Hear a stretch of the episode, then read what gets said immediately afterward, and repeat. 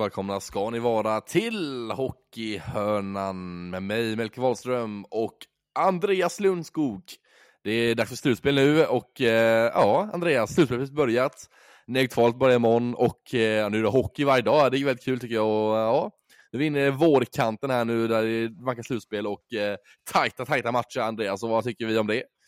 Ja, men hur, jag undrar hur, hur ska man ha, ha typ, eh, liksom tid för allt typ det privata med familjen och sådär? Man får ju nästan checka ut dem under den här månaden ja. eller de två de här veckorna som blir nu. För det blir ju liksom hockey, hockey, hockey. Det är, eh, dels så är det ju eh, men negativa kvalet som drar igång imorgon. Vi har haft åttondelsfinalen nu i helgen och ikväll när vi spelar in det här måndag. Eh, vi har ett eh, slutspel som drar sedan igång på fredag med ja, det egentligen är ju slutspel, mm. men är kvartsfinaler som drar igång på, på fredag. Och sen på är det Hockeyallsvenskan, på torsdag är det till och med. Ja, båda och sen, och sen är det Hockeyallsvenskan på, eh, som också är intressant att följa. Så att, alltså det är ju som ett stort smörgåsbord som bara är uppdukat. Bara ta för er liksom. Ja, och det bästa av allt, finska ligan, slutspelet sänds på Simon också. så det ska man också hålla koll på här också, de dagarna också. Så det är, det är många skärmar, mycket tid, men det är väldigt, väldigt kul. De matcherna startar väl tidigare också, så man hinner väl nästan se båda? Ja, startar nu gör den. Jaha! 17-15 som startar. Eh, de spelar så är det 17-17 klockan nu. Det spelar rätt just nu. Så det var en sista match här mellan TPS Åbo och eh, ja, något mer lag var det som helst nu. Ja, och det fin finns ju en del intressanta spelare att scouta framförallt till nästa mm. säsong här nu som kan trilla in. Det brukar ju alltid trilla in lite spelare från Hockeyallsvenskan. Eller från, från Hockeyallsvenskan, ja det gör det också, ja, det men från finska ligan till eh, SHL och eh, Hockeyallsvenskan. Så att, eh, nej, mycket hockey att följa. Vad är du mest eh, liksom förväntad? Vad, vad ser du mest fram emot de här veckorna? Ja men det är allt alltså. Jag kan inte välja någonting enstaka. Det är som ett smörgåsbord uppdukat. Som det är bara liksom, det är buffé tänker jag. Så jag tar för mig lite här och var tänker jag. Det är slutspel här med eh, Plin till att börja med. Sen på torsdag så drar ju kvartsfinalen igång och på fredag också. Eh, sen är det ju också Ja, det är framförallt kvalspelet imorgon mellan Brynäs och Malmö som blir intressant. Redan imorgon tisdag får vi reda på match ett här. Hänt mycket i Brynäsläget där som sagt, och kommer in lite senare också. Men det är liksom, och så utöver det så även ja, slutspel och riktigt kval och eh, både Hockeysvenskan och eh, SHL. Så det är, ja, men det är mycket av det goda tycker jag och det gäller att följa och hänga med här i svängarna i samtliga matcher tänker jag att jag ska göra. Så det gäller att jobba på. Ja men verkligen. Och så kommer vi köra en liten extra podd faktiskt också. Vi kommer mm. köra en podd som spelas in på torsdagar också ja. nu framöver så att man håller det lite mer ajour och kunna snacka lite om de hetaste händelserna och det. Alltså ni behöver inte vänta till nästa måndag för att få oss utan nu får ni oss dubbelt gånger i veckan. Så att eh, det tycker vi är kul. Mm, verkligen, det blir ett kort avsnitt också kommer bli, men eh, det kommer bli, ja, men det kommer bli fyllda avsnitt, mycket hett från veckan som har gått här och med slutspelet och ordentligt kval och allt vad det innebär helt enkelt. Och Andreas, Uh, och det är mycket så här, nu är mycket så här allmänt snack om livet för dig och mig här nu. Det är inte så mycket strukturerat körschema inte riktigt nu med slutspelspoddarna. Men jag tänker liksom, det är så det här slutspel, det går fram och tillbaka även i matcherna och tänker att vi hänger med där i vår podd även där i slutspelsfasen nu. Att uh, är vi åker lite upp och ner och lite så. Tänker jag att vi ska göra här lite allmänt snack om ishockey och SHL i synnerhet. Tänker jag vi ska satsa på här Andreas eh, under kommande slutspelsveckorna här. Uh, det är mycket roligt att följa och snacka om. Kan jag tänka mig det blir lite mer Honolulu-aktigt, lite mer Hawaii, Hawaii-podd ja. här nu. Men, men det, det, ska bli riktigt kul att framförallt få det hetaste hela tiden. Alltså det, ju, det, har ju hänt så mycket också. Man vet ju aldrig när man ska spela in den här podden egentligen vad som kommer fyllas. Man blir ju liksom nollställd varje vecka för det kan hända nya saker hela tiden och det gör det ju. Och I helgen har det ju hänt massor av grejer. Mm, verkligen har det gjort. Eh, vi kan börja där Andreas i helgen här då. Eh innan vi kom in på det stora elefanten i rummet här med Nico och det, så har ju också en, liksom en smällkaramell smält ner i Närke eh, den här veckan, eller ja, i helgen rätt sagt. Då Niklas Eriksson blev ny sportchef i Örebro nästa säsong. Eh, ska på treårskontrakt som sportchef också och kommer jobba tillsammans med Stefan Bengtzén i den sportsliga ledningen. Andreas, du som ändå bor i Örebro har ganska bra insyn där i Örebro som organisation och så. Hur tänker du liksom, kring det där att eh, det kommer från, från en blixt från klar, klar himmel där när Eriksson presterades som ny sportchef där i veckan som kom, gick? Ja, men jag, jag fick ett litet tips faktiskt från eh, lyssnare faktiskt där i, i början av förra veckan. Att det här var på väg och eh, jag bara viftade undan det för jag trodde det var så osannolikt. Jag tänkte att nej, men det, det händer inte. Alltså han vill träna ett lag. Alltså jag ser inte honom som en sportchef i en sportchefsroll. Han har tydligt deklarerat också att han vill, att han vill vara tränare tidigare. Och han har ju dessutom varit tror jag, lite besviken på hur Örebro har skött det med just mm. kontraktet och sådär. Men sen när det väl landade där på fredagen där alla blev så överraskade och det presenterades så landade det ju ganska så bra tror jag. Jag tror att alltså, Eh, från supporterna så tycker man att det här är ett kanonbra beslut och jag måste hålla med i det för att det är, en, det är en person som känner organisationen som har varit på hockeyns toppnivå till mångt och mycket, har ett ganska brett kontaktnät och är dessutom väldigt bra kompis eh, liksom, eh, med eh, Johan Hedberg som kommer att ta över Örebro efter eh, nästa, eller till och med nästa säsong. Då. Så jag tror att det här kan bli jäkligt bra. Dessutom två stycken högdaktade namn. Alltså jag tror jag kan tänka mig att de här, de här tränarna har egentligen kunnat eh, välja och vraka på erbjudanden. Men att Örebro ändå kan få behålla dem i organisationen. Man bygger det som kanske inte andra klubbar har haft heller, en stabilitet på den sportsliga organisationen. Man har ett långsiktigt tänk. Man har en röd tråd genom hela föreningen med kompetent personal i den. Så att jag tycker att det är, jag tycker det är en toppenrekrytering av Örebro. Ja men exakt, det känns också som att eh, ett treårskontrakt på Alex Eriksson känns som en väldigt långsiktig lösning också. Alltså, det är ingen så tillfällig lösning på bara ett år, utan det är då ett treårskontrakt som sägs vara, eller som är klart för Alex Eriksson och även Johan Hedberg sägs också göra ett långt kontrakt med eh, Örebro. Så det är verkligen ett långsiktigt tänk har man nu i Örebro att man tänker långsiktigt där med Alex Eriksson sportchef då, och Johan Hedberg på lite längre kontrakt som huvudtränare. Så, och då känner man väldigt bra också den extra tiden och så, och är bra vänner också, kan eh, då gå hand i hand där när det gäller rekryteringen kanske och så, kanske få lite samma bild av hur man ska spela ett spel och hur man ska gå tillväga med Örebro som, som klubb, hur man ska utveckla deras spel ytterligare den säsong för att ta ännu mer steg och vara ännu mer stabila i toppen av SHL. Så ja, men det kommer bli väldigt spännande att se här hur Nils Eriksson och Johan Hedberg tillsammans med Stefan Bengtzén kommer att jobba med eh, lagbygget och rekryteringar, men även hur man utvecklar sitt spel och utvecklar organisationen. Absolut, och det, det jag tycker också är så bra det är att Niklas Eriksson är ju väldigt tydlig. Han har ju en väldigt tydlig alltså i, i sin kommunikation gentemot media, gentemot liksom andra spelare. Det tycker jag kanske har varit Niklas Johansson som Örebros sportchef tidigare, kanske lite av en svaghet för hans del. Han har varit bra på väldigt mycket och byggt efter den ekonomiska resurser och sådana saker.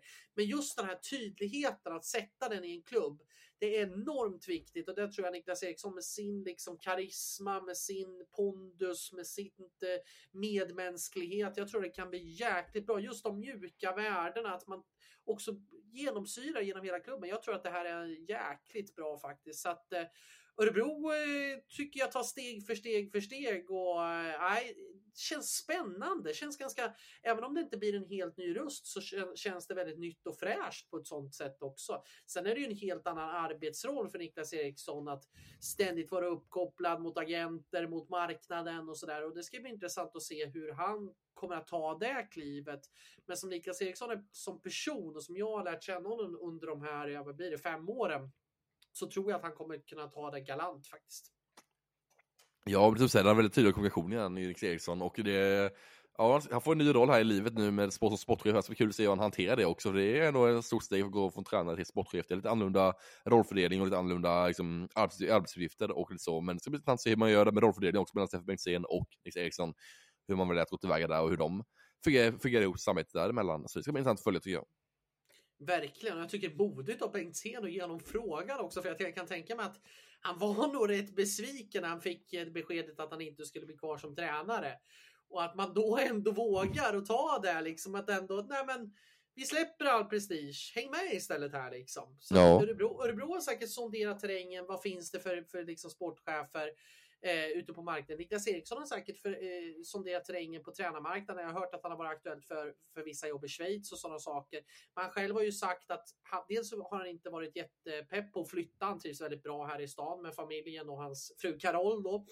Eh, och sen så har han ju, eh, så de har ju säkert sonderat marknaden båda två och eh, till sist har man känt att nej, men det här är, vi ska fortsätta med varandra och som han har sagt i tidigare intervjuer att han inte riktigt är klar här i Örebro. Så att, eh, nej, det ska bli intressant. Jag tror att det är bra också att, att han får, eh, att han fick känna det också här inför slutspelet att fan, jag ska vara kvar och bygga någonting här.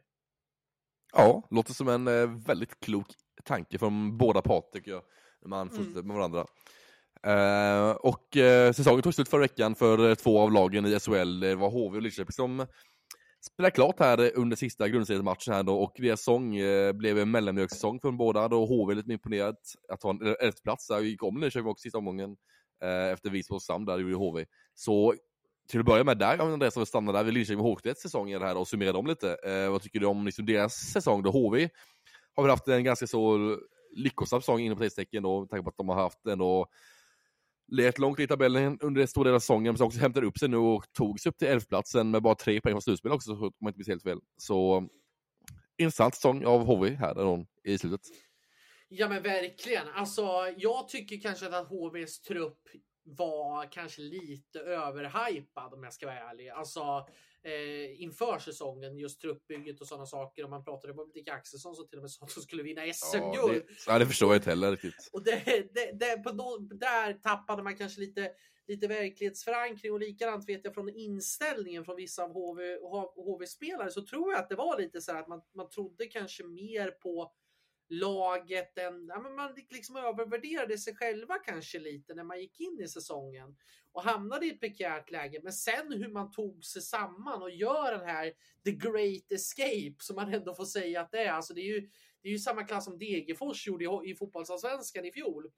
Eh, det är ju så jäkla imponerande och jag tycker man från föreningens håll måste verkligen eh, ja, men liksom känna bara en, en trygghet att vi stannar kvar i SHL. Vi har gjort det utan kval. Vi har fick till en bra förändring. Nubben ska ju dessutom ha cred för de rekryteringar han har gjort som faktiskt blev jäkligt bra under säsongen och tränarbytet med Tommy Samuelsson som många var tveksamma till fick en fullständig rätt effekt och så Johan Lindbom som får komma tillbaka efter liksom sparkningen och det som har varit från hans del och få komma tillbaka till den liksom formen och visa vilken jäkla bra tränare han är.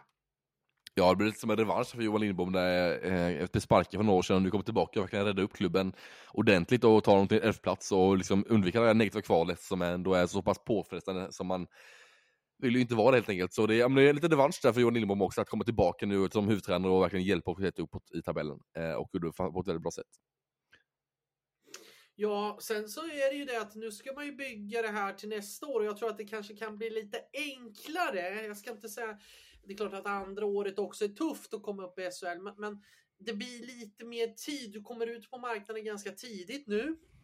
Vilket mm. kan faktiskt vara fördelen med att du kommer Verkligen. ut och du vet att du kommer att vara i SHL. Du behöver inte vänta till, till liksom i, i början av april, mitten på april och förrän det är klart. Det var ju skillnaden i, i, här. I fjol fick man ju vänta nästan in i maj med att bygga ett lag. Det här gör ju att du har ju helt andra möjligheter att signa spelare och sådana saker. Dessutom har man en väl, ja, men ett bra kontaktnät, man har en enormt bra ekonomi i organisationen. Så det känns som att HV, HV står ganska stadigt. Det här var liksom en nyckel som var tvungen att sättas och man satte den rakt in. Så nu har man ju någonting att bygga på. Sen ska det bli intressant att se vilka, jag kan ju tänka mig att det blir ganska stor spelaromsättning efter det här, för man har ju visat från början att truppen inte var tillräckligt bra. Sen de man har tagit in, Nick Short tror jag inte blir kvar för jag tror att han är för dyr om jag ska vara ärlig. Eh, jag tror även Andy Mealy kommer lämna. Så det är klart att det kommer bli en del luckor att fylla, men man sitter ju helt i en annan situation nu än vad man gjorde för ett år sedan. Ja, men Dubbe sa att det kommer in för runt åtta spelare till, sa Simor eh, när de frågade hur många spelare som kommer komma in nu till laget. Så han har runt åtta spelare ungefär, så ansluter till laget nu som nyförvärv då utifrån. Eh, han har redan gjort klart med eh, Tommy Tikka från Ilves, eh, en stor finsk forward med landslagsmeriter. Alltså eh, och eh, också Isak Brännström också från Luleå också klar ju. Eh, det är ju de två egentligen är väl klara så, vad man har hört och så, och läst. Ja, så hörde jag idag att det blir ju ingenting ja. med Autorotsalainen där eh, som, som, varit tidigare i Expressens uppgifter. Idag gick Expressen ut med att säga att det inte skulle bli någonting där och det är ju, det är ju lite synd för det var ju en spelare man verkligen hade velat sett. Men jag mm. tror att HV har ganska bra marknadsvärde också från liksom andra till andra spelare och sånt där och har ett bra kontaktnät. Så jag, är inte, jag är inte orolig. Men det är klart att det är mycket luckor som ska fyllas i den här truppen till nästa Och det, dessutom, vem ska vara tränare nu? Vem ska Niklas Eriksson mm. kan det ju inte bli eftersom eh, Nej. det hade varit vårat namn egentligen till det. Men, men vem mm. ska gå in och träna det? Ska Johan Lindbom fortsätta i den här rollen som klubbdirektör och tränare? Eller ska man ja. sära på någon av rollerna? Eller ska man ta in en helt nytt? Vad, vad säger du? Ja, men Johan Lindbom ska ju vara kvar som ordförande tycker jag. Alltså inte vara huvudtränare utan han kommer vara ordförande tror jag. Och jag är säker på att han kommer vara ordförande också. Jag tror inte han blir tränare nu på längre sikt. Jag tror det var en tillfällig lösning nu helt enkelt. Sen tror jag att eh, Pelusson högst vara kvar också. Att han kommer bli kvar som assisterande tränare. Kommer Pelusson bli. Ja, jag har hört. Eller ja, läst åt mig till att han ska bli. Um, utöver det så, alltså, får se lite här. Karl Helmersson är en tränare som alltid ryktas till HV såklart. Av naturliga anledningar. Och eh, jag läste också häromdagen också att eh, Nubbe bekräftade att eh, han är en av namnen man kollar på också. Eh, läste jag igår tror jag då, eller om det var idag till och med. Um, så vi får se lite vad som händer där. Liksom det, vem som blir huvudtränare blir intressant framförallt. Och veta, jag tror inte Johan Lundskog tror jag inte kommer bli. Så inte, det känns inte som att han är någon man har på tapeten riktigt, Johan Lundskog. Så jag tror, ja men det är svårt att säga om nu tycker jag. Det, jag tror Nubben kanske hittar någon gammal kontakt där som man har stor respekt för, som man vill ta in som huvudtränare igen. Jag tror, ja, det är att man också får klart huvudtränare snart också tycker jag. Det är svårt, eller så här, det är viktigt att sätta huvudtränare på plats här inom en snar framtid också. Eh, så att man faktiskt får en, eh, ett ansikte till laget också. Så det är viktigt också tycker jag, att få träna i tid. Verkligen. Jag hoppas, jag hoppas att det blir lite nytt och fräscht. Alltså inte att man går in på någon sån här liksom Peter Andersson lösning eller liksom en tränare som har varit lik Tommy Samuelsson. Liksom, har varit. Niklas Eriksson har varit perfekta namnet. Nu är inte han tillgänglig.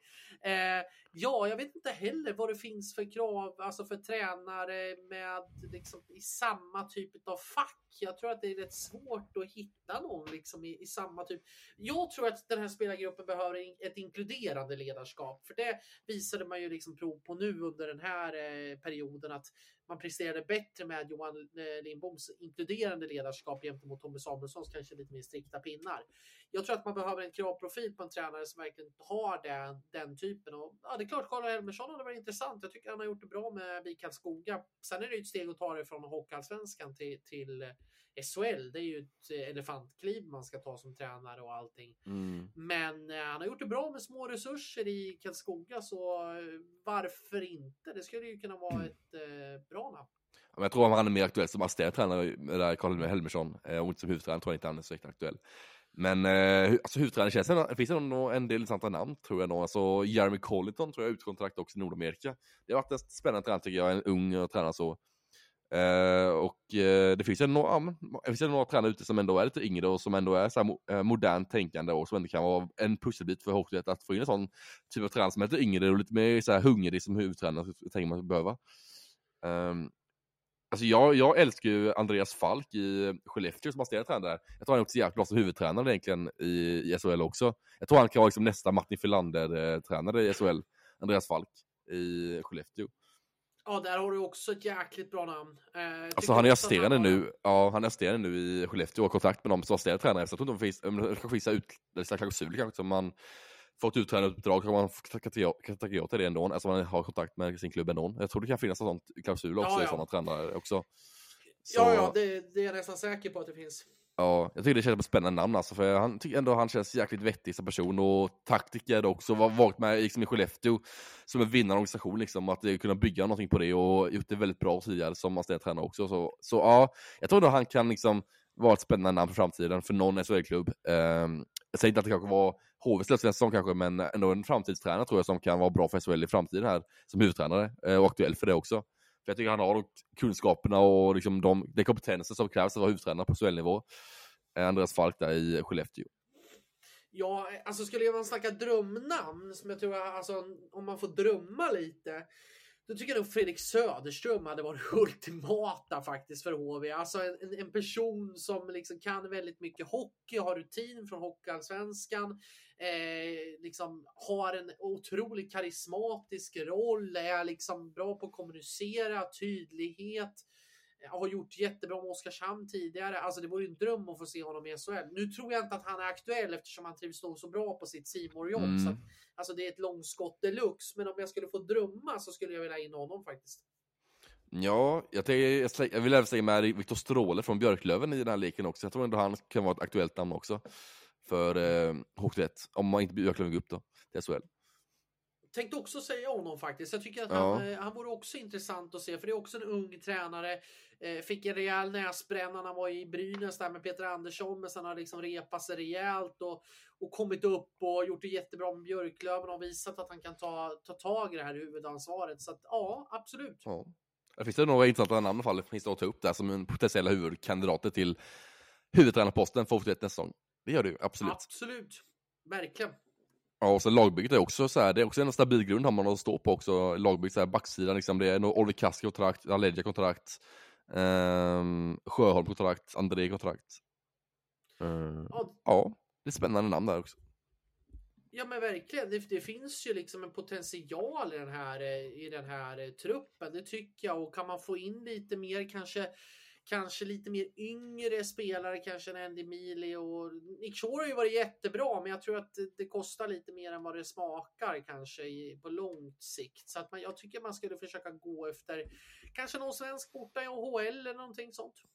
Ja, jag gjorde en backsida gjorde jag faktiskt häromdagen i Hockeyet som jag tror har varit bra med åtta backar.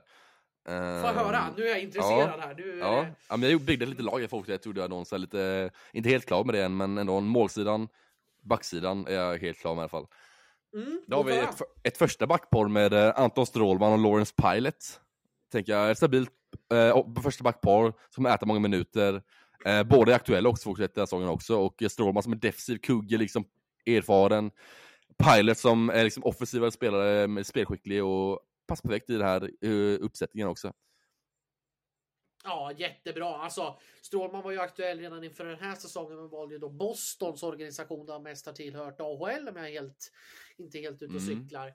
Eh, har blivit 36 år, men, men eh, man, det visar ju Niklas Hjalmarsson att man kan även spela när man är lite äldre och jag tycker att han kan ju liksom ta hand om, om de yngre spelarna som kommer upp också och är ju, har ju också ett Jönköpingshjärta så jag tycker det här vore en kanonbra värvning för, för HV. Får man in honom så är det ju liksom en deluxe förstärkning. Herregud, det här är ju en back som har vunnit Stanley Cup till och med med Tampa Bay va? Ja, det är mycket möjligt. Ja, det gjorde han förresten. Ja, gjorde han. Minst en gång. Han har gjort två gånger med. Ja, en ja, gång i alla fall minst har gjort det. Kanske med två gånger. Det.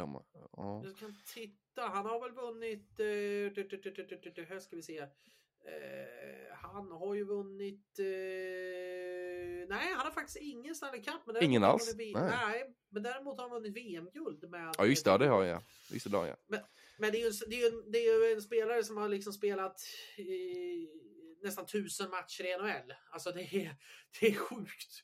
Det ja. kan man verkligen snacka i erfarenhet och har ju dessutom haft en ledande roll också i många av de här lagen i, i framförallt Tampa de senaste åren. Så att, eh, mm. det vore ju en superförstärkning. Ja, så hade jag Joe Ledge och Oliver Kaski ett andra backpar. Um, och så hade jag Viktor Sjöholm, Emil André tredje backpar. Och så hade jag faktiskt Johan Ivarsson från Södertälje som sjunde back. Och sen Hugo Fransson då, som junior, alltså åttonde back. Ja. ja men det ser, jag, jag, tycker det är en jättebra, gedigen backsida som verkligen eh, ja, ser intressant ut, bra kombinationer. André tycker jag var jättebra här nu och Sjöholm har ju tagit gigantiska ja. kliv liksom bara, bara på den här säsongen. Han var ju utlånad till början och visste man inte om man skulle få spela liksom och sen, sen har han blivit liksom en av Röjas absolut bästa backar den här säsongen. Så mm. det, det är ju en en spelare som kan fortsatt ta kliv. Sen vet jag inte, han är väl draftad va, av... Uh, här ska vi se, han är väl draftad? Ja. Nej, han är inte draftad faktiskt. Nej, han är inte draftad alls. Nej, så då har man ju i alla fall en väg upp dit. För annars tänkte man om Nordamerika skulle kunna vara ett alternativ. Men, men eh, ja. nej, det är ju ett jätte, jätteintressant självklart. Mm, och så Johan Iversson från Södertälje som kanske är bästa backen också sen i år. Eh, liksom en defensiv stark back, spelar enkelt i egen zon. Liksom en spelare som verkligen HV hade behövt tror jag, som spelar som verkligen eh, tänker hockey på ett enkelt sätt. Eh, och spelar bra, liksom spelskicklig spelare, men ändå stor, stark, tuff, defensiv kugge, liksom en sjunde back, där, kanske sjätte, sjunde back. Och kliva in där och kunna utfylla många roller i den backhierarkin. Också så, ja, jag tror ändå starkt på det där. Verkligen. Och då, då säger man ju tack och goodbye till Chad Billings och eh, vilka är det mer? Då är det Sitter från ja. dagens Martinsson är ju borta till Växjö. Uh, han är ja, kontrakt men han är ju borta enligt Mr Maddock. Um... Och, och sen är Daniel Glad då, för det är detta Bertov som inte mm. kommer vara kvar då. Och, uh, och så Bengtsson, Westerlund, ja. Torp, Malak, som var på lån, han har kontakt med Fiskla Kuba också. Han. Uh, så Hjalmarsson då tror jag heller blir kvar. Jag tror Hjalmarsson lägger sko eller skridskor på hyllan tror jag. Någon... Ja. ja det Han har problem med hjärnsakning. Ja, exakt. Det är det jag säger också med hjärnsakningen där och allt. Så ja, vi får se vad som händer med det där helt enkelt. Mm, intressant och vi kommer mm. fortsätta mm. på, på Silly-fronten här så fort Verkligen. vi hör någonting så uppdaterar vi definitivt. Yes. Um, det var det, och sen om vi byter skifte då från HV till Linköping istället då och kollar liksom Linköpings säsong. Andreas då, en, uh, en misslyckad säsong för Linköping ännu en gång. Det är mellanmjölksår för dem eh, ännu en gång. Jag tror det är fjärde eller femte året i följd till med som man missar slutspel eh, i Linköping där i Östergötland. Ja, eh, en säsong som var upp och ner för Linköping om man säger så. Men inledningen väldigt svagt, man dålig försäsong, dålig in i säsongen.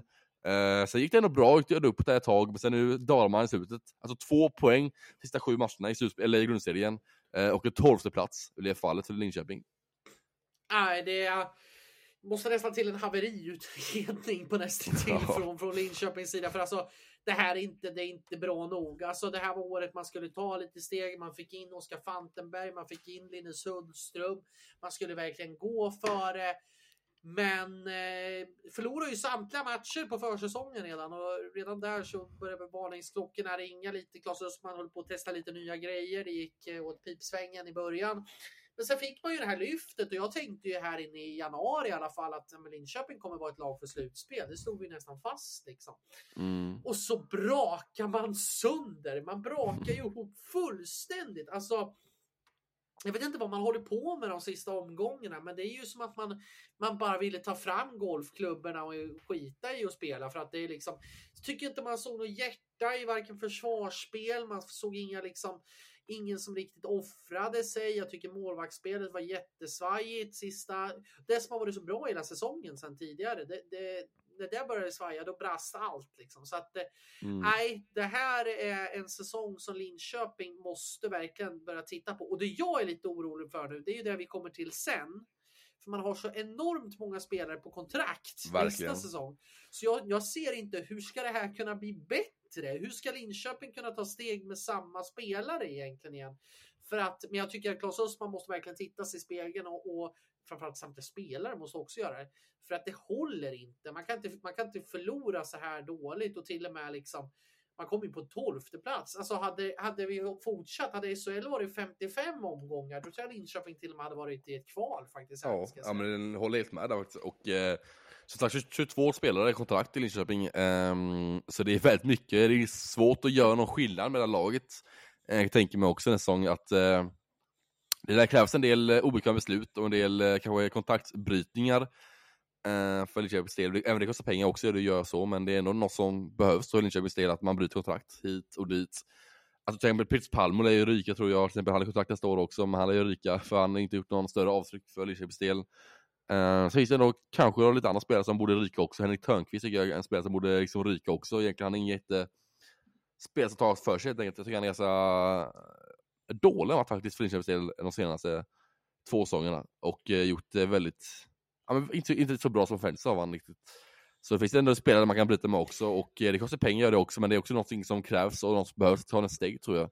Linköpings del att ta lite obekväma beslut. Ja, alltså det, det, jag känner det är ju liksom även en sån som typ jag undrar, ska Jonas Junland fortsätta? Ja, nej, jag tycker inte han är så bra längre. Ska han nej. fortsätta? Alltså för jag, jag, tycker inte man ser någon, någon form. Jag tycker definitivt inte att han ska fortsätta som kapten. Då ska han fortsätta någonstans i den lägre, typ som tredje mm. backpar eller någonting. För, för, för jag tycker inte han håller med. Jag tycker inte han håller måttet riktigt. Och sen är det ju, alltså det är ganska jag vet inte vad jag ska säga, men det är väldigt mycket mellanmjölksvärvningar har det varit. Spelare som kanske inte riktigt faller väl ut, spelare som är väldigt ojämna i prestationer.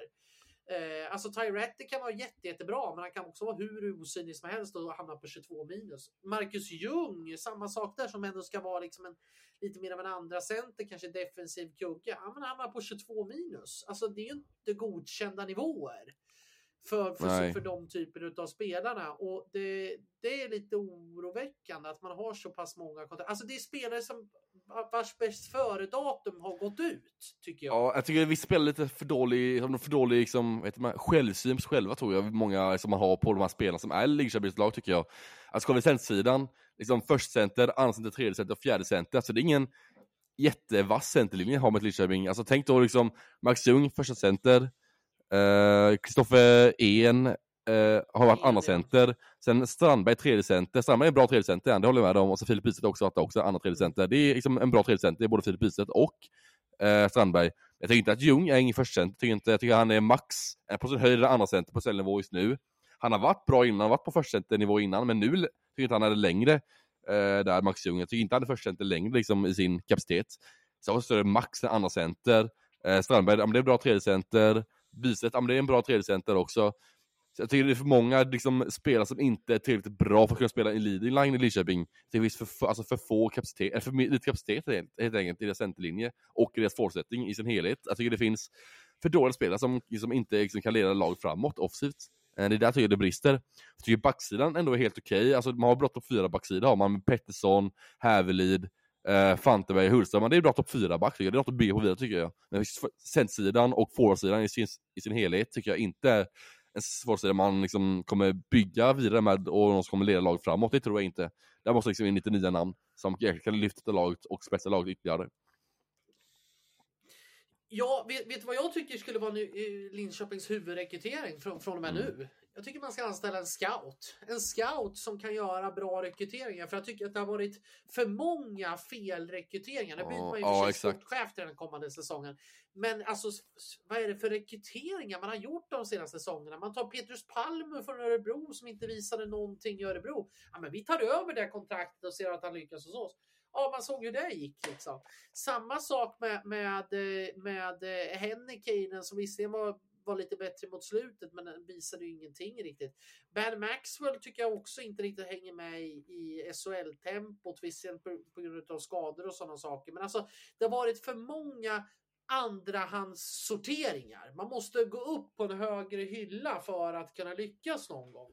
Man måste kunna, man måste, det får kosta lite. Titta lite som Örebro har gjort nu till exempel om vi drar ett parallell mellan Örebro och Linköping. Örebro väljer att betala 300 000 för Filip Holm till mm. exempel. Eller Mattias Bromé. För det är spelare som du vet gör skillnad, som kan. Rodrigo Abols till exempel, även om han kommer försvinna nu. Alltså det får kosta, det måste få kosta lite mer.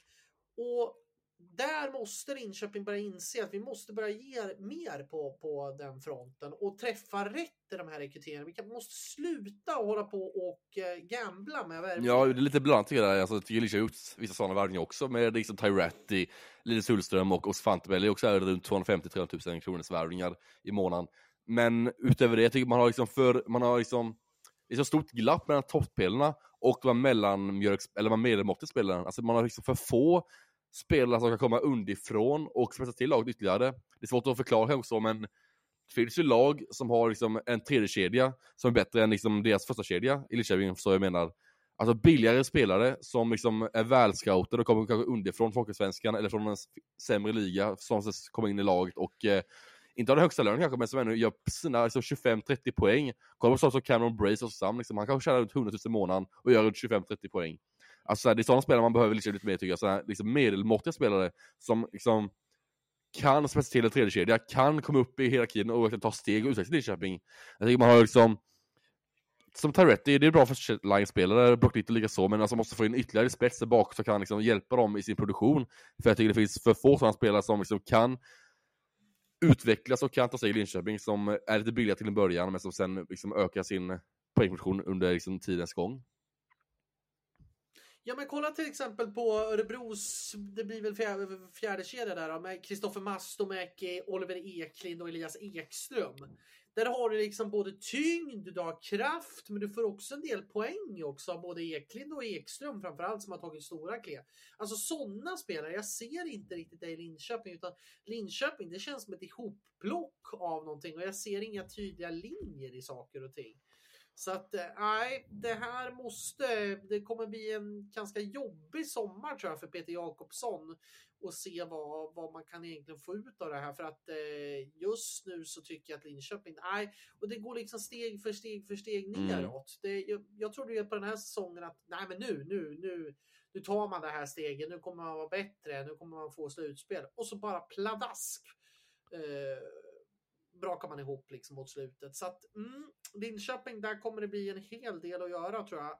Även fast man har så många spelare. Ja, ja men det måste verkligen göra någonting åt det, för det, det håller inte nästa lag. Alltså man kan hamna kvar nästa år om det inte liksom går rätt till nästa år heller.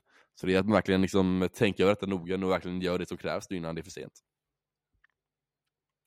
Ja, nej, det, det ska bli riktigt intressant faktiskt att se vad som, vad som kommer hända där. Och det är ju en del, om man tittar på de spelarna som är utgående kontrakt så är det ju, sen vet man inte vad som händer riktigt med Filip Bystedt och Arvid Kostmar som båda är mm. utlånade. Ja, Fabian Wagner också. Ja. Och, och sen Mattias Hävelin på backsidan. Då. Men sen de som sitter på utgående kontrakt det är ju eh, Marcus Hennekainen och sen är det ju eh, eh, det är väl...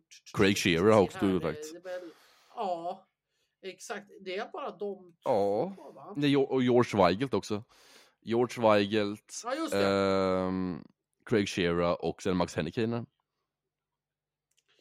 Ja. Um, och, så kan man också, alltså jag skulle nog, på kolla backsidan till exempel så kan man låna ut Elias Sjöström till också en säsong och få in en till back där, ta ett annat kontrakt liksom så.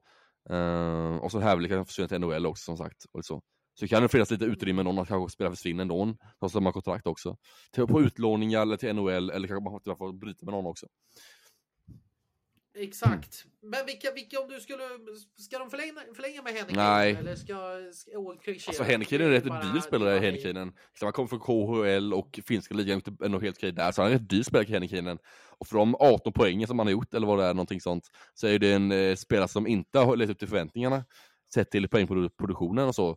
Och han är 29 år gammal också, börjar bli lite, åldern, eller lite äldre också. Äh, jag tycker man jag tycker man ska få in Leon Bristedt alltså. Han är ju perfekt spelare tycker jag, Linköping. Alltså, Leon Bristedt, alltså, han är ja. en kravställare, offensiv, skicklig spelare som verkligen kan liksom leda ett lag och ha, stå, spela en leading line, spela ett powerplay och verkligen göra det bra ifrån sig på nivå. Så det känns en ganska given liksom, värvning och en förstärkning som kommer kunna bidra med någonting till Linköping också. Um, ja, så Ja, ja. En annan, en, annan, spelare som jag hade på kroken där också, som, alltså, som vi var inne på, Liam Bristedt tycker jag hade varit perfekt. Alltså jäklar, det hade varit en ja. dundervärvning faktiskt för Linköping på så sätt.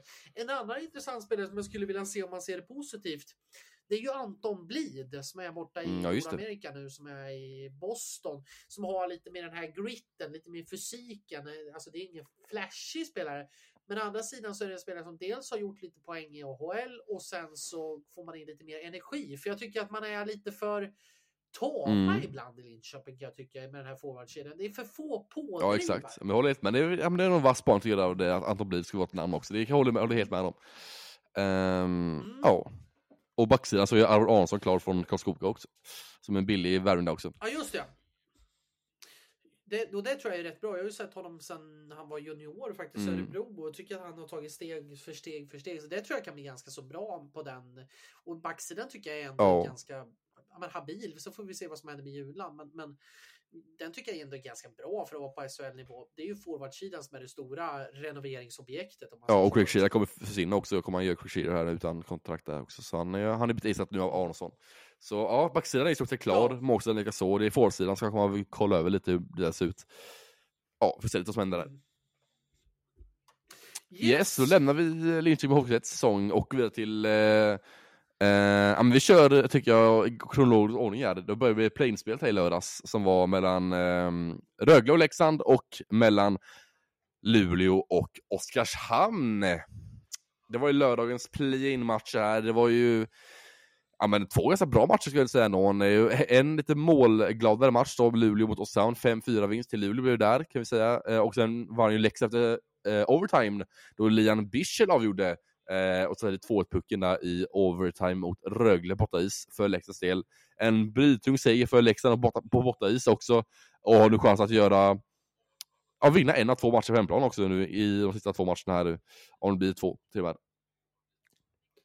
Exakt, ja, det var, det var lite som att nollställa ja. allting. Liksom. Det var liksom från att gå från grundserien och liksom Leksand känns ganska så tråk, tråkiga och så bara, bara blev det som ett fyrverkeri tycker jag från hela den lördagen och jätteroligt att se och även Luleå tycker jag steppar upp rejält. Jag tycker en sån som Brandon Shinnimin fortsätter och är liksom glödhet. Alltså han är ju han är fan hetare än en vedugnspizza ja. nu alltså. Det är, det är ruskigt bra hur han har levererat och kommer till till allting och är involverad i spelet och liksom han har ju gått ifrån och, från att vara lite, lite, lite halvpinsam med de här film, mm. filmningarna och lägga fel saker på energi på fel saker till att bli kanske SHLs en av de absolut främsta spelarna tycker jag faktiskt nu under senaste månaden. Mm. Så att äh, kul att se att en sån som Brandon Shinnimin har steppat upp på att ähm, och två roliga matcher. Sen så ska det bli intressant ikväll nu när vi spelar in det här. Det en timme kvar, ja. Här nu.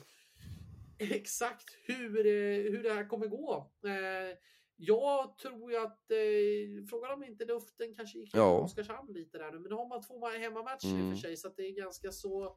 Leksand tycker jag imponerar verkligen. Alltså ändå att komma tillbaka i den matchen och det var ju en del bortdömda mål, omdiskuterade situationer och Mantas Armali såg jättesur ut där på något mål och sådär. Men men ändå att man kommer och drar det längsta strået. För första gången på länge tycker jag man såg Leksand som ett kollektiv, som en enhet. Ja, det var en jäkligt tajt match där uppe i Katarina Arena i Ängelholm där mellan Rögle och Leksand. Alltså det var sväng fram och tillbaka, det var liksom mycket händelser var det, så var det långa videogranskningar sagt. Så det var liksom som drog ut matchen också, men eh, ja.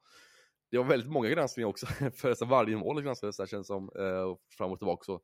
Men eh, ändå en rolig match skulle jag säga att det var också. Det man är, känner verkligen slutspelsnerven i båda matcherna tycker jag. Både Luleå och Sam, även framförallt Leksand mot Rögle också. När det blir overtime också redan i första matchen tycker jag är kul att se också. Det är extra spänning och extra hetta i det hela. Och i matchen blev det 5-4 och det var ju nära att man till och med kvitterade i slutet också. Och så det var en otroligt jämn match in i det sista även där, i den matchen också. Just sådana matcher man saknar under grundserien, sådana liksom slutspelskaraktärmatcher. Liksom. Sådana matcher älskar man ju att kolla på. Och vi fick faktiskt se det första, omgång, eller första play-matchen direkt här, sådana alltså slutspelskaraktärmatcher. Med mycket fysiskt spel, närkamper, mycket fart, energi. Det var jämna, tajta matcher som avgjorde, alltså mycket liksom, små detaljer som avgjorde matcherna och eh, blev väldigt viktiga i slutändan. Ja, den här lunken, den var ju borta liksom. Det var ju de som säger att play-in är, liksom, är tråkigt och man kanske inte ska alla lag ska liksom tio lag har chansen att vinna liksom SM-guld. Eh, jag tycker det här ja. var jättekul. Alltså, fantastiskt rolig underhållning att titta på. Bra tryck i arenorna. Jag såg att Cam Abbott hade varit ute Ja, det var kul att se. Publiken där i den matchen också.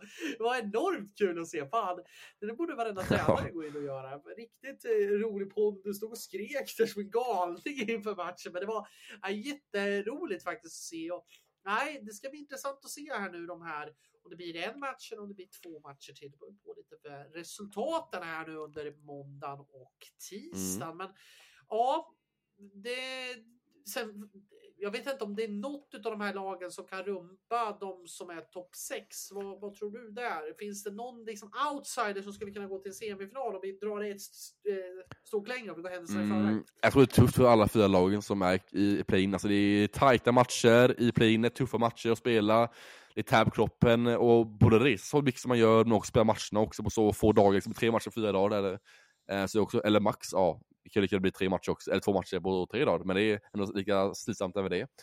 Eh, och sen ska man liksom direkt sen på torsdagen spela de här lagen också, lite konstigt också, eller de här lagen spelar på torsdag. Plainlagen spelar på torsdag i kvartsfinaler och spelar de andra två färdiga kvartsfinaler redan på fredag.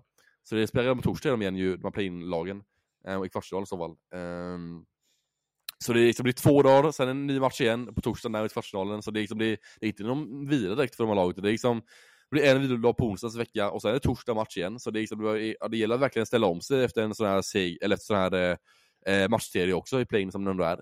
Så, och så ser jag att det kan bli tuffa matcher tror jag i kvartsfinalen också. Jag tror inte det är något lag som kommer vinna ganska så överlägset i kvartsfinalen tror jag inte. Det kommer bli väldigt tajta matcher tror jag i kvartsfinalen oavsett vilka som möter vem. Uh, jag ser alltså liksom Rögle och Leksand, båda lag tror jag kan hota liksom, de andra topp 6-lagen också på ett, eller annat, på ett eller annat sätt. Bara få ihop i sista liksom, delarna i laget så tror jag de får ihop liksom, ett, ett bra lag och kan utmana på, på riktigt mot de här liksom, större lagen. Framförallt liksom, om Rögle tror jag kan ta ett steg till, då tror jag nog att de kan liksom, bli farliga i så fall.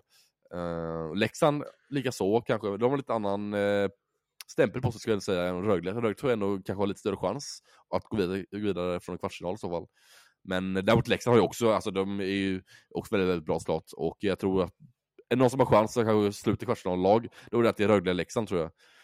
Um, mm. Som jag säger just nu. För man får ju man får ju Växjö eller Skellefteå då. Så då är det ju, då, då är alltså det. Ja det är tufft där i kvartsfinalen. Alltså det är riktigt, riktigt tufft.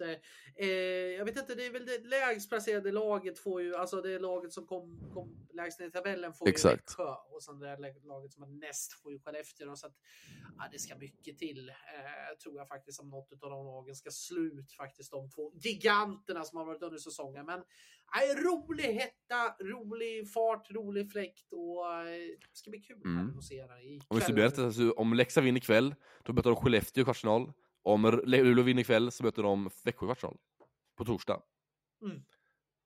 Så det är så det ser ut. Förutsättningarna Exakt. inför ett, eller ett, uh, ja, ett avgörande play kanske det blir ikväll. Får vi se helt enkelt Andreas, om en timme så avgör sig playnet här och se om det blir något lag som tar sig vidare till kvartsfinal redan ikväll måndag. Så det är kul att se. Det ska vi snacka på på torsdag. Exakt. Det ska vi göra. Det ska bli en riktig bonanza. Jajamän, så vi lämnar det eh, där just nu och går till, eh, mm. ja men imorgon tisdag Andreas, då smäller det ju. 14 mars, första play-match, eller första kvalspelsmatchen. Det är negativt kval om SHL-platsen som står på spel. Det är Brynäs mot Malmö. Eh, och Brynäs drog i nödbromsen här nu, eh, bara för en dag sedan, eller två dagar sedan. Eh, då man valde att eh, sparka Mikko Manner som huvudtränare och även hans assisterande tränare i Ari-Pekka Parjoloma och Kalle Kaskinen. Eh, som assisterande tränare också. Så, Fem plus ja, uttalet. hela tränartrion rök där hela vägen hem till Finland. och sen blev det en ny tränartrio nu med Ove Molin i spetsen som huvudtränare.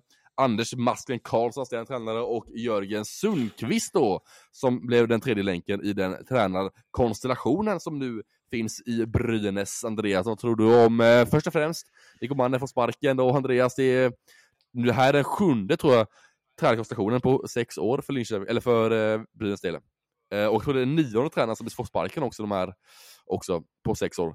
Så det är en tränarrotation som få kan mäta sig med. Ja, och lägg där till att man har haft Stefan Bengtzén, man har haft Andreas Lakell, man har haft eh, Gör, vad heter det, han, ja, Mikael. Ja, exakt. Och sen har man haft Johan Alsén ja. på Sportsa.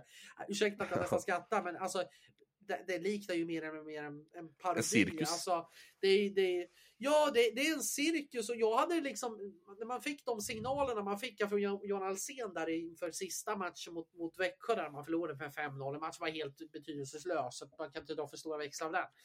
Men i alla fall, då var ju han ganska så tydlig faktiskt att men Mikko, vår plan just nu det är att ha kvar Mikko Manner. Det är klart att en sportchef alltid ja. säger så. Det är ju alltså dimridåer ändå. Men jag är ändå överraskad att man väljer att ha en teambuilding. Man skulle åka ut och grilla hemma hos Anders Lindbäck. Man skulle gå på någon restaurang i Gävle och man skulle liksom få ihop laget. Och sen 24 timmar senare så brakar man den här nyheten att, att man och tränarstaben inte ska vara kvar.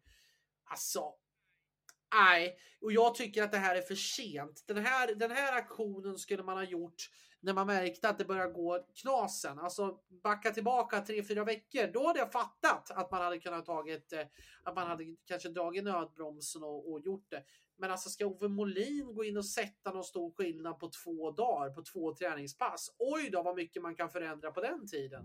Jag vet att man snackar om så nya röster och någonting. Problemet är med Brynäs håll, det är så mycket röster så att det liksom, det, det, det finns ju ingen tydlighet. Alltså, det blir, ju, det blir ju otydligt som bara det. Man har sju tränarkonstellationer på sex år.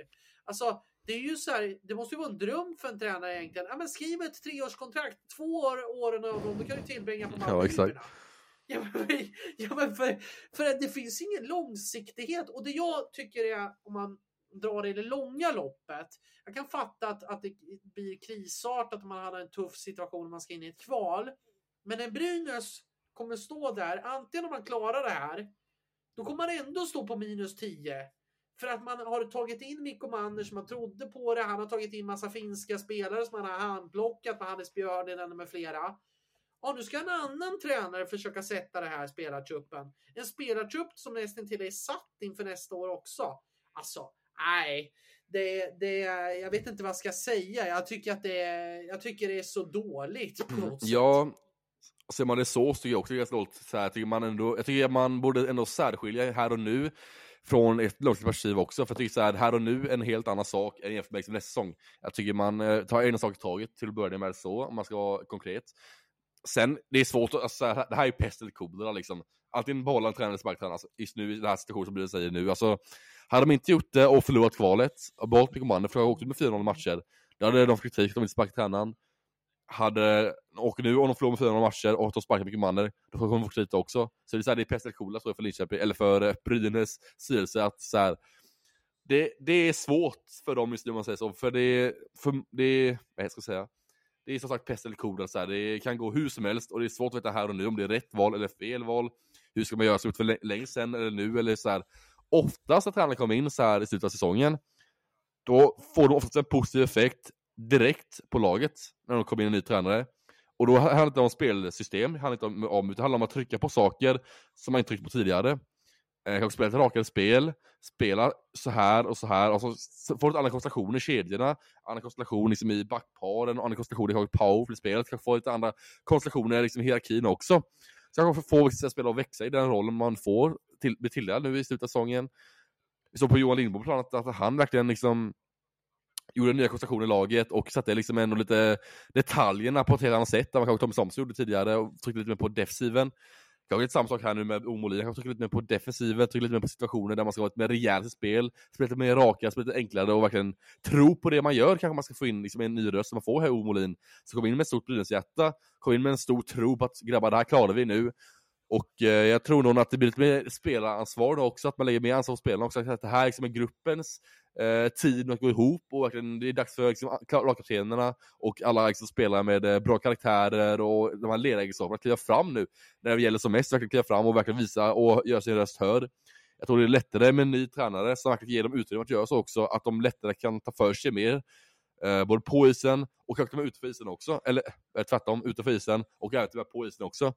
Eh, spela som Simon Bertilsson, kanske som är ledare, spelare, även Niklas, Niklas Friman, backsidan, Davsnitska, som spelare kanske kan kliva fram lite mer nu liksom, i omklädningsrummet också och verkligen ta ett steg framåt även där. Tack vare att man hittar en ny tränarlösning för att han liksom, kan ge dem lite utrymme att liksom, agera lite så efter dem, vad de liksom, anser även vara bäst för Brynäs och för deras egen del.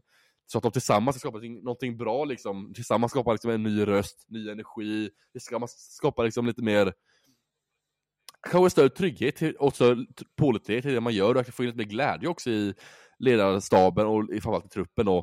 För jag tycker Micke Mann har väldigt nere sista tiden här, liksom började gråta liksom, för simon intervjuerna och han liksom allt var hans fel och så och att alltså, efter ett tag så tror jag att truppen blir trött på det också, att man liksom hela tiden anklagat sig själv och så, att liksom gå ut i intervjuerna så starkt som han har gjort med Command och hela tiden sagt att han är ledsen och besviken och så i varje, varje match. Men det händer ingenting nytt, gör det inte. Inget nytt spelsätt, ingen, alltså inga nya liksom, förändringar sker ju i hans spel eller liksom i hans tankesätt heller. Så det är, jag förstår att man kan tappa förtroende för honom i spelartruppen som spelare, att man liksom så här, känner såhär skitsamma, det händer nog ingen nytta liksom att vi gör den här skillnaden, det händer ingen skillnad liksom i, laget eller i vårt spel någonting, skitsamma då skiter vi i det här istället. Lite så kan känslan bli bland spelarna om de liksom inte får tillräckligt med förtroende eller får tillräckligt utrymme att få liksom, prata själva hur de tänker och tycker om saker och ting och hur deras vinklar också. Jag tror att Omeli kommer in med sin tränarkonstellation här, att han kommer låta spelarna få prata mer och kanske få, låta spelarna få, få agera lite mer och även kunna liksom bidra med lite mer utanför isen. Så jag kommer bidra med att de kanske blir bättre på isen, kan få lite mer gruppdynamik, lite mer kemi i truppen, kanske få lite gå samman också. Med det sagt så säger jag inte att det är rätt eller fel sparkar det, det är svårt att säga här och nu. Jag säger inte att det är rätt han gjorde, inte, inte att det är fel heller för en del heller. Så jag vill gärna avvakta lite mer hur jag tycker där. Men däremot så ger det en viss effekt att sparktränarna också. Det är inte bara, det är inte bara negativt sparktränare heller, utan det är också positivt att sparkträna också. Det har sett på kvalen och tidigare år också. Liksom, Timrå sparkade ju Fredrik Andersson, vann kvalet. Brynäs sparkade ju um, ja, Stråle och Peter Andersson, ja, exakt. Uh, för två år sedan, sista matchen där hem Matchen i grundserien helt enkelt, inför ett kvalspel.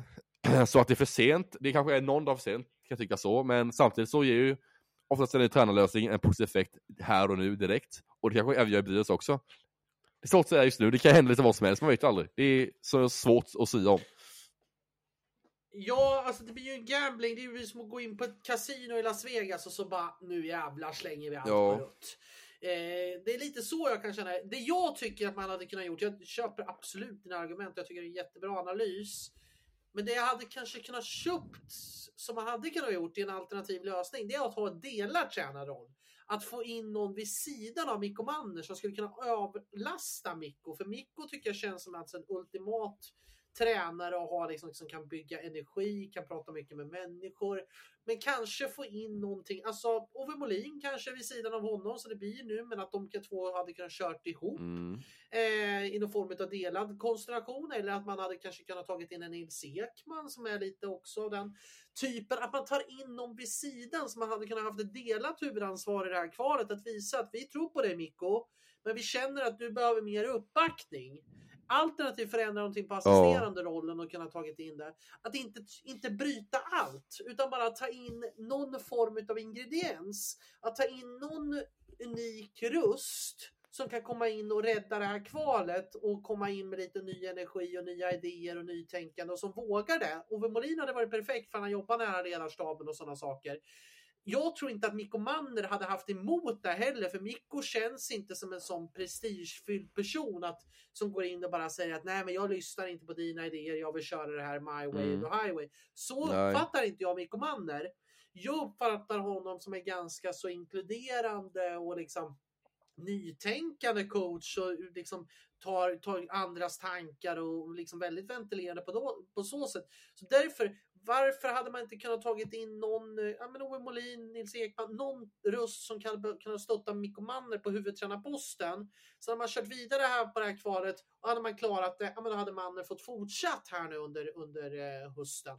Eh, för jag tycker mycket också ska läggas mot, nu ska vi inte säga för mycket, och vi ska inte, jag gillar inte att säga syndabockar för det här, för det är så många ingredienser i hela.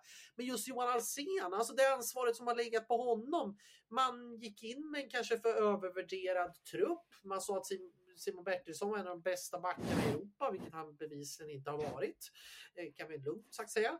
Eh, och sen så har man liksom gått in med en ganska så tunn spelartrupp. Man har heller inte förstärkt den här under säsongen. Jag vet att marknaden har, har varit tunn, men ändå HV har ändå kunnat landa en Nick Shore som faktiskt blev jäkligt bra. Man har fått in en Oliver Kaski. Alltså kolla på de grejerna som nubben har gjort. Nu vet jag att, att Brynäs har en annan ekonomisk situation än vad HV har. HV har mer pengar. Men man har ändå kunnat gjort förändringar under säsongen bland de andra lagen. Det har ju faktiskt inte Brynäs gjort. Man har ju suttit lugnt i båten när man väl tog in en provspelare som, som faktiskt imponerade ganska mycket och fick lite effekt på laget där under jul när man tog in eh, Roa. Och sen bara nej, vi väljer att han får gå en annan väg. Han får gå till ett annat lag sen efter det här provspelet. Och det ser man ju hur det har gått. Det har ju inte gått upp för och det har ju nästan inte varit... Alltså, det är sådana grejer jag tänker på. Alltså, den sportsliga ledningen har ju också lite att rannsaka sig i sig själva i det här och därför tycker jag det är konstigt och det är dåligt och det är inget långsiktigt att man väljer att kasta Mikko Manner under bussen. Så jag tycker ju att, att man hade kunnat gjort den förändringen att kunna justera några få saker, få in en ny röst i gruppen. Det hade räckt, men det betyder inte att du ska brycka upp allting som du har gjort tidigare. För kollar du på de senaste åren, det är sju tränarsparkningar. Alltså, jag tror att det var Albert Einstein som sa att det är ingen bra lösning. Om du har försökt med en lösning så, eh, ett antal gånger som inte fungerar, då kanske det är dags att prova en annan lösning. Och de har gjort det sju gånger på, på sex Ja, år. det är så. Det är han säger så här, definitionen av galenskap, att göra någonting, göra samma sak alltid om och förvänta sig annat resultat. Så sa han också, vet jag. Ja, definitionen av galenskap, att man gör så någonting, gör samma sak hela tiden och förväntar sig nya resultat. Och det är så här att bryr sig också, med träningsposition mm. och sånt också. Däremot vill jag också backa bandet ja. lite extra, alltså de som värvade Johan Alsen till som sportchef och skrev på ett fyraårskontrakt med honom. Redan då kände jag att det här kommer inte bli bra, tror jag inte. Alltså, visst, Jonas är säkert jättebra människa så, men alltså, direkt från fjärde kedja rakt in i sportchefsrollen, på ett fyraårskontrakt, och som ensam sportchef också. Så jag fattar kanske, om man tar in, alltså en sportchef, kanske tar in liksom en eh, rutinerad general manager kanske, som kan hjälpa honom lite i början så här. Men om man tar in honom som ensam sportchef liksom, Ah, jag var redan osäker redan då, man tog in honom på så långt kontrakt också. Direkt som, alltså, som, ja, som en sportchef, så här, utan liksom, uppbackning från någon annan lite mer etablerad sportchef kanske, eller general manager. Redan, redan då kände jag att det fanns ja. orosmål för Brynäs sportsliga ledning redan då. Och det har ju bara blivit eh, förstärkt min tes också, att det har ju varit så, att det har blivit bara sämre och sämre. Liksom. Det Brynäs man har sjunkit liksom, ja, två kval på tre år och med Johan Sens ledning här också har man haft en dålig säsong med dåliga, dåliga rekryteringar och eh, dåliga beslut alltså, tycker man tagit över hela säsongen. Liksom man eh, ställer med Kevin Roy bland annat, att man valt att inte förlänga med han, fast man hade möjlighet att göra det, för att man skulle få in en annan kille istället. Men så fick man aldrig in en ny spelare ändå, så det blev jätte, man sa lite emot sig själva också. Eh, och jag tycker man borde förlängt med Kevin Roy, för han var ju en spelare som gav en bra injektion i laget och kunde ändå liksom spela på en bra nivå på nivå också. Så jag tycker där borde han förlängt redan första steget. Där kan man liksom redan då beslutet ett dåligt beslut tycker jag. När vi pratade om det tidigare. Så ja, ja det fanns mycket och... att säga till om där också. Och sen målvaktscirkusen, ja. alltså, herregud, man har tagit in, man börjar med serien, alltså, det behöver vi inte ens gå in på för det är ju, det är ju, liksom, det är ju nästan som en fars med, med, den, med det som har varit runt det också. Så det, det är ju det är så många delar som har brustit när man tittar på det här utifrån. Jag säger inte att allting är Johan Alséns fel, jag säger inte att allting är Mikko Manners fel, men någonstans måste man som klubb se sig i spegeln när man kastat igen. Man har ju liksom bränt upp, jag vet inte hur många tränarlöner man har bränt upp de senaste åren. Alltså det är bara kasta rakt ner i den där jävlån som ligger under. Alltså du kan ju tänka dig hur mycket man hade faktiskt kunnat utveckla. Hur många bra toppspelare man hade kunnat fått in för de pengarna. Men när man hela, hela, hela, hela tiden ska släcka de här dagsbränderna. Men bakom där, där står det och liksom, det är, det är liksom inferno med lava. Det är liksom, eh, man får ju, inte, man får ju aldrig någon kontinuitet. Släck de bränderna och gör, gör liksom en tydlighet i föreningen. Jag ser inte det i Brynäs och aj, jag tycker att det är beklagligt. Och sen är jag lite orolig för alltså som jag var inne, på tidigare, alltså de har ändå tagit in Friman, de har ändå tagit in Björninen, de har ändå tagit in Oljekår här. Eh, som, som, har liksom varit Mikko Manners egentligen. Alltså, jag tror inte Jussi hade varit på målvaktssidan om inte Mikko Manner hade varit i Brynäs. Hur reagerar de spelarna här nu? Liksom, vi blev headhuntade av en coach. Vi skrev ett nytt kontrakt med den här coachen i november. Och när man skrev ett nytt kontrakt så pratade man, eh, pratade man om att, eh, om att eh, vi, vi tycker om... Jag ska se om jag har det. Ja, det var lite... Speciellt om man säger så. Eh, där att man eh, förlängde Mikko Manner och sen sparkar nu bara några månader senare. Ja, det har ju bara hänt en gång tidigare. Det var ja, Jocke Fagervall. Nästan ännu värre situation där. I, ja, där var det ju, det var det ju, där var det ju kortare tid. Men det är så här. Eh, du, du, du, att förlänga med Mikko har varit prioritet för oss. Det har varit klart under längre tid. Det känns bra att vi äntligen kan berätta om det, säger Johan Alsen. Jaha, men eh, fyra månader senare, då är Mikko Manner alltså inte värd det. Alltså, nej. Ursäkta om man lackar, men jag tycker att det är, jag tycker, jag tycker att det är han som får bära hundhuvudet för någonting som några andra har skapat i en kultur som inte är hälsosam. Alltså han kunde ha haft mer tålamod tycker jag. Där. Alltså, man behöver inte förlänga med han redan så tidigt i november tycker jag. Hur man liksom, hold your horse lite, ta lite lugnt här nu och liksom ligga lite lågt tycker man borde ut där liksom direkt så. Det, det kändes redan när man förlängde med han att ah, ta lite lugnt här nu. Alltså, du har ju ändå ett bra utgångsläge här nu. Att liksom, ligga lite lågt nu och vänta lite med att se lite hur resultaten spelar ut sig de senaste månaderna. Eller de närmaste månaderna här i december, januari framförallt när det är lite tuffare spelschema och så. Vänta och se de, spela, de matcherna är spelade och vänta liksom tills det har gått lite tid. För det är så i november, det är väldigt tidigt alltså att sätta liksom en ny, eller förlänga med tränare redan i november tycker jag. Det känns väldigt tidigt. Um, så skillnaden man kanske ligger 1, 2, 3, 4, 5 i tabellen, då förstår jag. Men lägger man 11, 12 i november och förlänger med Commander då, äh, det kan man liksom vänta lite. Speciellt så tight eh, tabell också, så jämnt ja, i ligan overall. Och under den här säsongen, skulle man, äh, där kunde man liksom vänta lite med att eh, förlänga med Commander. Ja, och sen det jag känner det, det är ju att jag tycker att alltså Brynäs, att vända på Brynäs efter det som Brynäs har varit med om, alltså efter de här åren med alla tränarsparkningar och allting sånt. Det är som att vända kryssningsskepp i liksom Stockholms skärgård. Mm. Alltså, det, det, det är jäkla mycket koppar och uddar och allting sånt som du ska runda under den här tiden. Och det tar tid. Det går, får gå med lite halvfart ett tag där. Alltså man måste någonstans respektera att vi, och inse att vi kommer inte vara ett topp 6-lag i år. Vi kommer inte vara och fighta som SM-guld. Vi ska inte prata om SM-guld det som är här och var måste kunna vara Brynäs eh, huvudprioritet. Det måste vara att få, få en stabilitet på tränarposten. Att veta vem det är som ska coacha Brynäs. Att veta, att ha en röd tråd genom föreningen. Att liksom kunna skapa någonting som är Brynäs identitet. Det här river man ju upp nu ytterligare ett en gång här nu. Nu ska man riva upp ytterligare ett sår. Nu ska man sätta upp ytterligare en tränare. Först så ska man klara det här kvalet. Men sen så ska man riva upp allting igen och ja, då står den som eh, ska komma in. Och vem vill träna Brynäs efter det här? Vem, ja. Jag kan inte tänka mig Nej, vem. först och främst tycker jag man borde också ta in en ytterligare person till sportsliga ledningen tycker jag, som kan backa upp eh, Alsen. Jag tycker bara, Alsen, han, så här, han har ju tre år kontraktet. Jag tycker man ska hålla kvar han i ett år till minst, men att man tar in en ny röst på sportsliga ledningen som får ett stort ansvar och jobbar tillsammans med Alsen, men att får ett stort ansvar, kanske sista ordet, kanske han får den nya personen som kommer in som är lite etablerad och rutinerad sportchef kanske, eller general manager, så kan han liksom addera in lite mer erfarenhet, lite mer rutin liksom, i sportledningen i Brynäs. För det är just det jag tycker saknas med erfarenhet och sånt, att det är, ja, det är väldigt orutinerat där uppe i sportledningen känns som. Så ta in, en spel, äh, ta in en röst till där, med bra kompetens och som verkligen utvecklar Brynäs sportsliga ledning då, om man stannar kvar i SHL då. Eh, och sen då tycker jag att man ska in en ny huvudtränare. Alltså signa en huvudtränare, en ung, modern, svensk tränare. Skriv på ett treårskontrakt med den tränaren och låt inte han få sparken, på ett treårskontrakt med den tränaren och skit i resultaten egentligen första två åren. Och så säger sen vad som händer efter de två åren, utvärdera, ligger man i Allsvenskan eller ligger man i topp 10 eller något? Vet man inte. Och sätt ett nytt ja. spelsystem också. Det är, man byter för mycket också med sitt grundspel också. Ja, men sätt en tydlig, från högsta liksom, ledningen, sätt en tydlig identitet. Det här är Brynäs, det här ska vi spela, så här ska vi spela. Liksom, nu är det så här, ja, nu är det defensivt styrspel ibland, och nu är det offensivt ibland. Alltså, så här, sätt en tydlig struktur, högt uppsatt sportsliga ledningen. Så här är Brynäs, det här ska vi spela. Och ta in en tränare som har samma liksom, tankesätt och samma värderingar som Brynäs sportsliga ledning har. Så man får en tydlighet redan uppifrån och ner till tränarkonstellationen där måste man ändå börja på något sätt att få ihop liksom själva den här konstellationen med tränare och sånt. Att ta in en tränare som matchar ambitionerna, matchar värderingarna och matchar även det spel som Brynäs vill ha.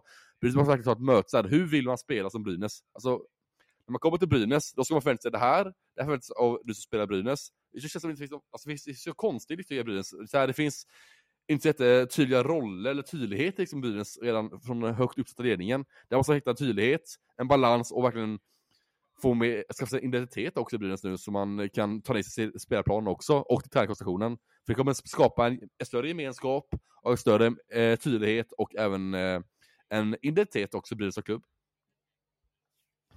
Ja, exakt. Exakt. En röd tråd genom exakt. hela föreningen. Varför kanske inte satsa på liksom en sån som Lasse Johansson som även fick sparken ifrån mm. Rögle nu från deras ledarstab. Hade väl varit ett sånt ja. namn att kunna gå in och avlasta Johan Alsen. ja, han är, Schweiz, ja, han är Schweiz nu så det är tyvärr svårt. Ja. Men han är perfekt namn annars. Men någon, någon utav, Ja, exakt. Ja, någon utav, eh, alltså någon, någon sån, alltså vem alltså, jag tycker typ, alltså... Eh, alltså Johan Hult alltså, om jag ska vara helt ärlig.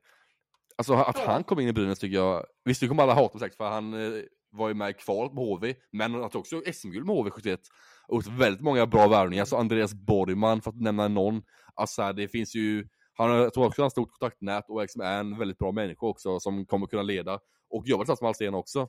Så tycker jag Johan Hult var kanske slå signal till i Brynäs där, så om han stannar kvar i SHL. Uh, och Johan Hult byggde även ett bra lag i Allsvenskan också, Johan Hult ju, för HV71 också. Det var alltså han som byggde laget för HV71, de tog sig upp i SHL igen. Och det tycker jag är väldigt imponerande också, att bygga ett lag som var så pass bra och som var så pass bra anpassat till Hockeysvenskan också, som han gjorde, Johan Hult. Det visar också på en kompetens och en smartness hos sportchef, att kunna ta in liksom, rätt spelare för rätt roller, för rätt positioner, tillsammans med en eh, tränarkonstellation med Tommy Samuelsson som är perfekt man för jobbet också där, som man gjorde Johan Hult i H71. tar Johan Hult tycker jag i Brynäs tycker man borde göra någon. Och ge en chans där. Se på ett fortsatt man där. Och låta honom få chansen att styra och ställa lite som han vill. Ja. Och låt dem vara under kontraktstiden. Håll inte på att, att de ska vara ett år och så får de tillbringa två, de resten av två åren på Mallis. Det går inte. Alltså det, det, är ju totalt ohållbart som klubb att hålla på sådär och det, det är ju ingen bra vibe. Alltså, jag undrar vad, vad sänder det här för signaler till andra tränare så att det ska bli det ska bli intressant att se vad som kommer in och vad som kommer hända med, med Brynäs. Men jag tycker, jag tycker han förtjänar det. Nu tycker jag att vi, vi ska göra en liten kärleksbombning mm. till Mikko Manner, för han blev ändå en profil under sin verkligen, tid verkligen. i SHL. Och det jag gillade med så mycket att han blev en profil för att han var sig själv. Han var sitt sätt sig själv och han var inte någon profil för att han skrek och gapade mot någon. Eller liksom skapade de största rubrikerna. Utan Mikko Manne blev det på en jäkla kärlek och på en jäkla omtänksamhet mot andra människor. Vi ska lyssna hur det lät i Örebro för ett eh, år sedan när Brynäs hade åkt ut faktiskt i eh, playinet. När det gäller igen. Det, det är vårt arbete. Men tack för alla supporterna. Jag vet inte varför de har stödat mig så mycket, mycket när vi har förlorat så mycket. Så. Men tack, kanske därför att jag pratar den här rally, rallysvenska. Så. Jag vet inte.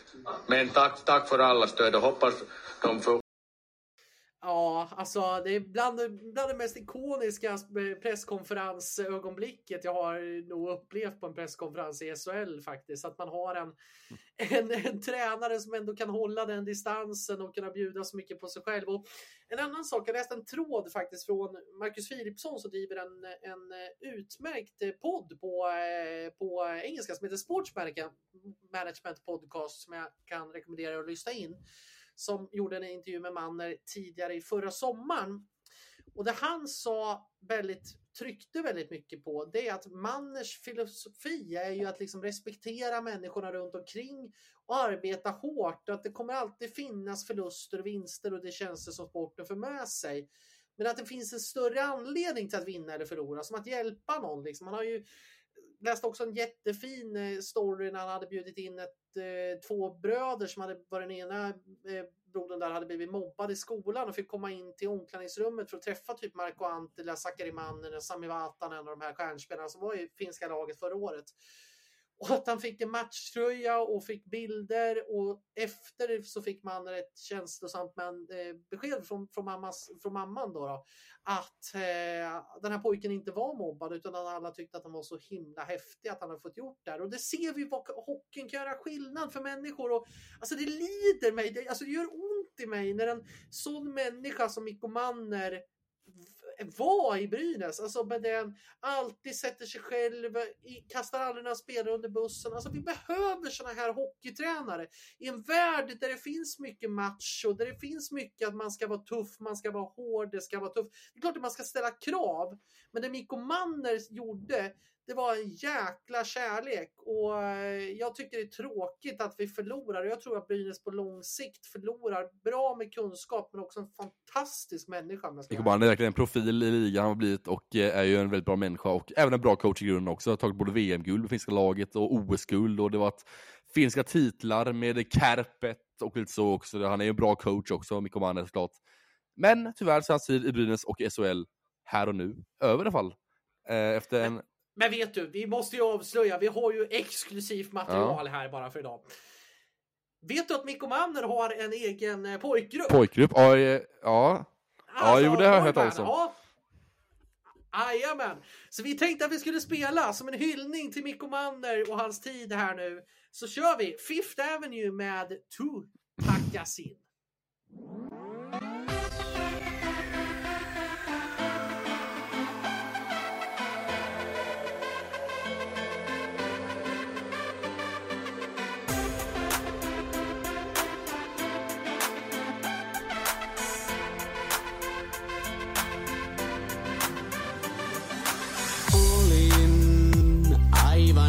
in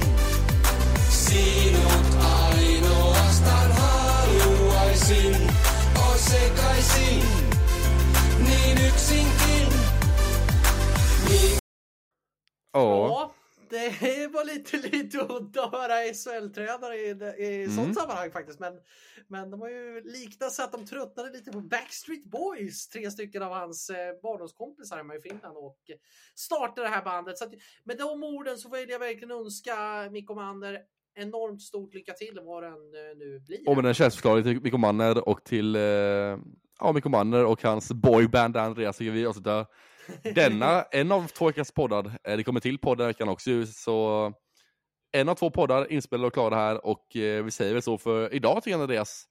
Um, det är play här om en kvart eller om en halvtimme så är det ju nedsläpp, match två, play mellan Luleå, Sand och Leksand och Rögle. Vad tror vi där? Vad tror vi? Ja, Vad tror vi där då, så... Andreas? Snabba... Ja du, jag tror Leksand, Leksand, Rögle, Leksand säger Leksand, Luleå. Leksand. Leksand. Uh... Leksand, Luleå? Eh, Oskarshamn? Ja, men alltså vilka ska gå vidare? Eh, Vi går vidare från playinet. Vi... Jaha, eh, Leksand eh, går vidare från playinet och sen tror jag... Eh, jag tror Mm. Ja, men jag instämmer faktiskt. Eh, Men med de orden Andreas så säger vi tack och hej för ikväll och på återseende på torsdag eller fredag blir det nog. Mm. Definitivt. Ha det bra nu. Hej då.